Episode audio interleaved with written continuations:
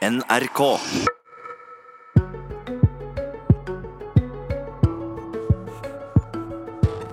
Venstre-lederen mener hele regjeringa trenger en restart.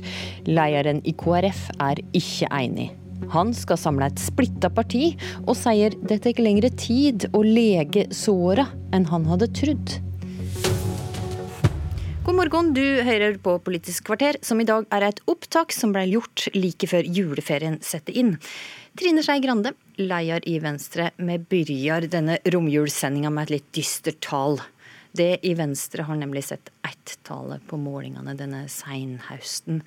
Hvor lenge er du overbevist om at det strategiske valget med å sitte i regjering er riktig for Venstre? Det handler om hvilke saker man får gjennomslag for. Eh, man går jo ikke i regjering bare pga. en strategisk vurdering. Man går jo i regjering fordi det er noen saker man tror man får gjennom der som man ikke ville ha fått gjennom ellers. Og det, det er klart at eh, den rusreformen som kommer i dag, er en viktig sak. Det Kjell Ingolf og, jeg har fått til i forhold til lengeværende asylsøkere i dag, er verdt å gjøre det for. Eh, det at vi har fått eh, Lofoten og Vesterålen er verna, er verdt å være der for. Og iskanten, hvis vi klarer det, så er det også noe som er verdt å være der for. Er det verdt uansett hvor få velgere de ikke sitter igjen med til slutt? Nei, jeg håper jo at velgerne kommer til å se hva det er vi gjennomfører. Men når jeg går på gata, når jeg går på gata i Oslo og ser de utslåtte narkomane som vi har behandla så dårlig over så mange år, så tenker jeg det er verdt det. Jeg bor i en bydel med stor grad av fattigdom. Er 50% av dem som vokser opp i min bydel, er fattige. Jeg har vært med og sørga for at de ungene får gratis kjernetid i barnehage. Det er verdt det.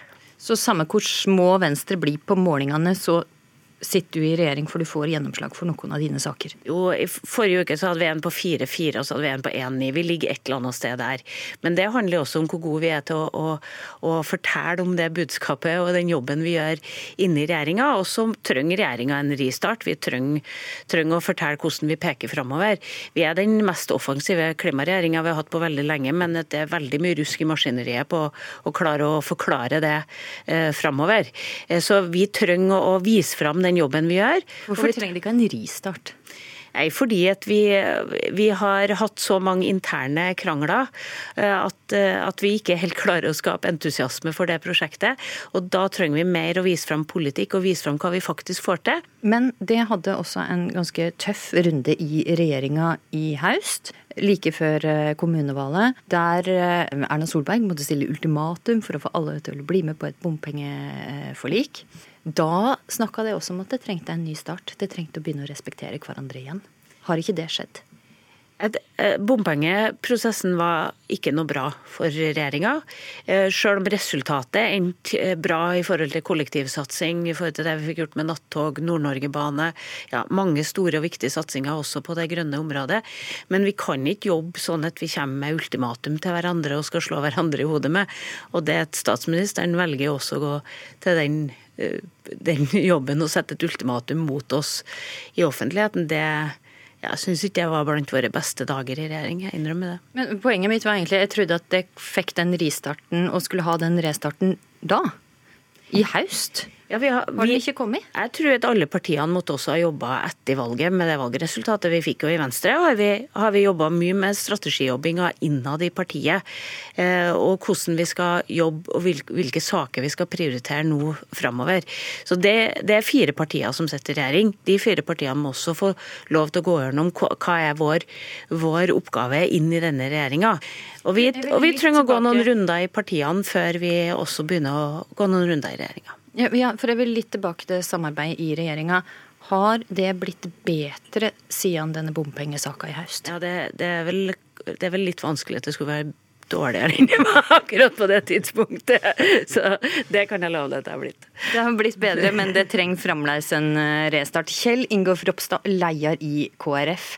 Er du enig med Trine Skei Grande i at regjeringa trenger en restart? Jeg er helt enig i at det er gått mye bedre etter valget. Eh, og det er klart at eh, Vi var mange partier som lå dårlig an på målingene, så jeg tror at eh, valgkampen var ekstra krevende for alle.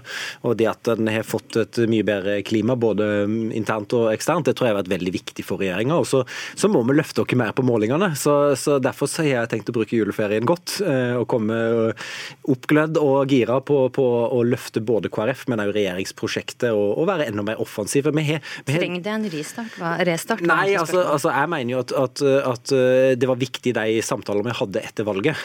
Og nå er vi eh, en tydelig regjering som stender samla mot en opposisjon som spriker så det holder.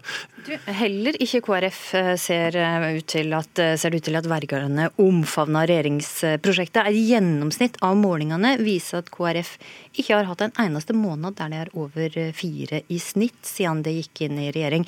Hva forteller det det, Ropstad? Heldigvis så klarte vi over fire på valgresultatet, da.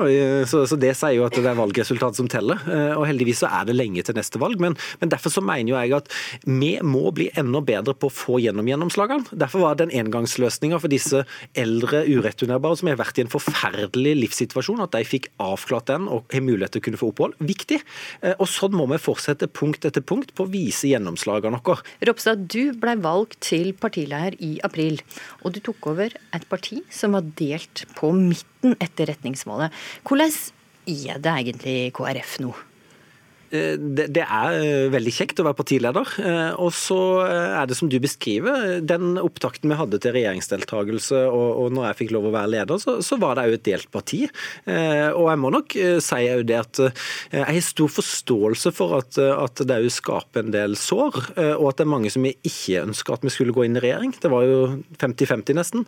Og sånn sett har det nok tatt lengre tid òg å lege de sårene. Så det er jo kanskje en av mine nyttårsforsetter og viktige oppgaver oppgave for 2020. Det å bidra til å, å, klare å samle partier, og at flest mulig kjenner at det er KrF som er det verktøyet en vil bruke sitt politiske engasjement på. Fordi det nytter fordi de gjennomslagene vi får er så viktige. Ja, Du sier at det tar lengre tid å lege deg såret enn du trodde. Hvordan gir det seg uttrykk? Hvordan ser du det på medlemmer i organisasjonen? Det er vel for så vidt bare å følge nyhetene, det. Eh, det er mange som, som er frustrert over f.eks. ureturnerbare asylsøkere, der vi har hatt et langvarig sterkt engasjement for at de òg bør få lov å kunne jobbe. Mye bedre at de forsørger seg selv og sin familie, enn at eh, ja, de lever på stønad eller i verste fall blir en del av svart økonomi og arbeidslivskriminalitet. Eh, og det at vi ikke kunne få gjennomslag for det når det er fire partier, store partier i Stortinget som blokkerer, det er krevende. og Derfor er det ekstra viktig å få en løsning, engangsløsninger som vi vant fram med, og som ikke hadde blitt en realitet hvis ikke KrF og Venstre hadde sittet i regjering. Men slik vil det vel alltid være i alle partier, at det er øh, jo, men... saker som er viktige. Og hvordan ser du dette med øh, selve retningsvalget, det at det faktisk var delt i to sider. Øh, hvordan ser du på en måte det i din organisasjon nå?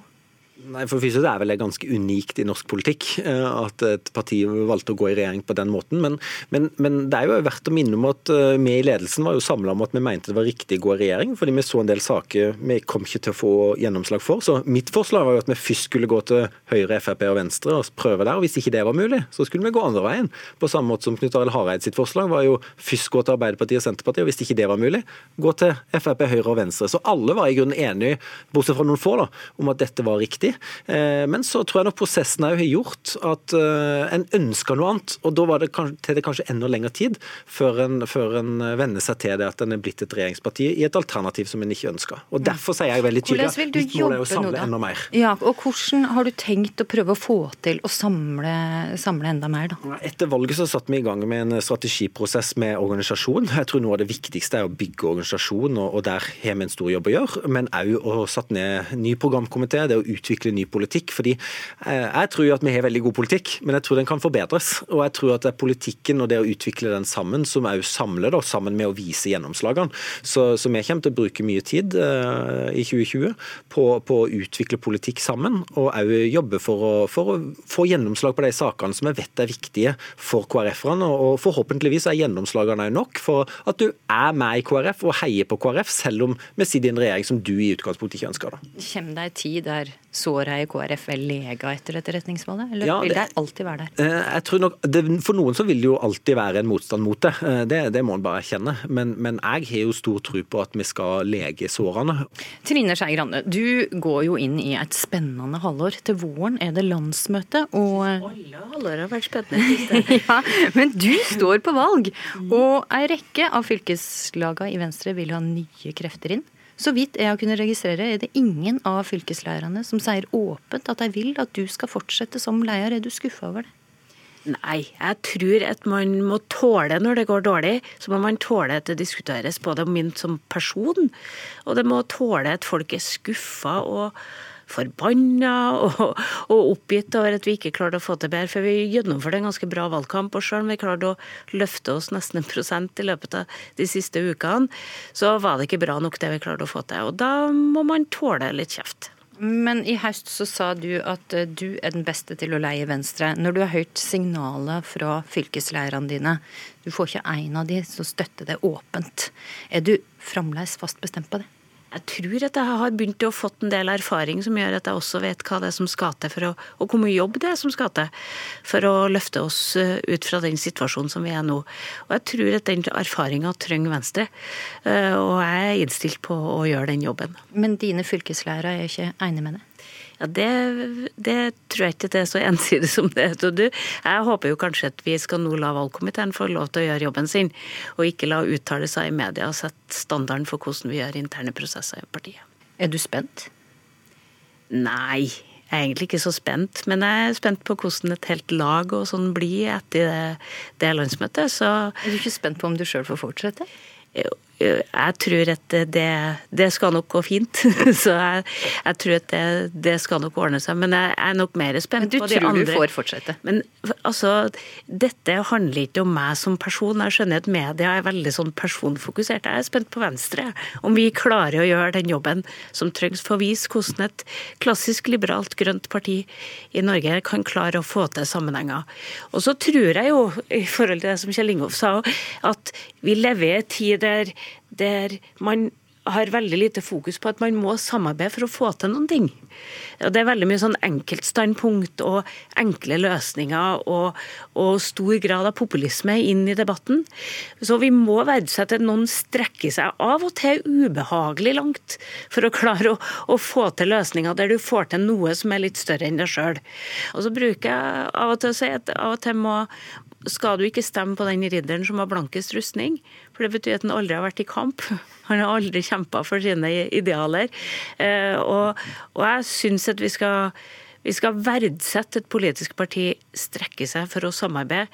Av og til også når det er litt ubehagelig, fordi at man skal få til noe som er litt større enn seg sjøl. Men er det det du blir straffa for? Nei, jeg tror jeg blir straffa for at vi hadde et dårlig valgresultat. Og at jeg hadde ikke klart å organisere troppene godt nok for å, for å, gå inn i den valgkampen. Og så tror jeg at veldig mange følte at de gjorde en veldig bra valgkamp. Og det gjorde mange av våre lokale. Og så hadde vi et veldig godt utgangspunkt for i, og da blir skuffelsen stor. Og det må sjefer tåle å få kjeft for. Du, til slutt så skal jeg spørre Trine Skei Grande, hva blir den viktigste og vanskeligste saka for Venstre? det kommende halvåret? Iskald. Det, det, å ta, det, å ta, vare på altså, For mange så kan det være sånn vanskelig å skjønne hvorfor iskanten er så viktig. Eh, og Da bruker jeg å beskrive at jeg har faktisk møtt iskanten med, med den lansebåten som var ute og henta Ausland, og sittet om bord der når vi faktisk fysisk møtte iskanten, og møtt hvilket fantastisk dyreliv som eksploderer rundt deg idet du møter isen.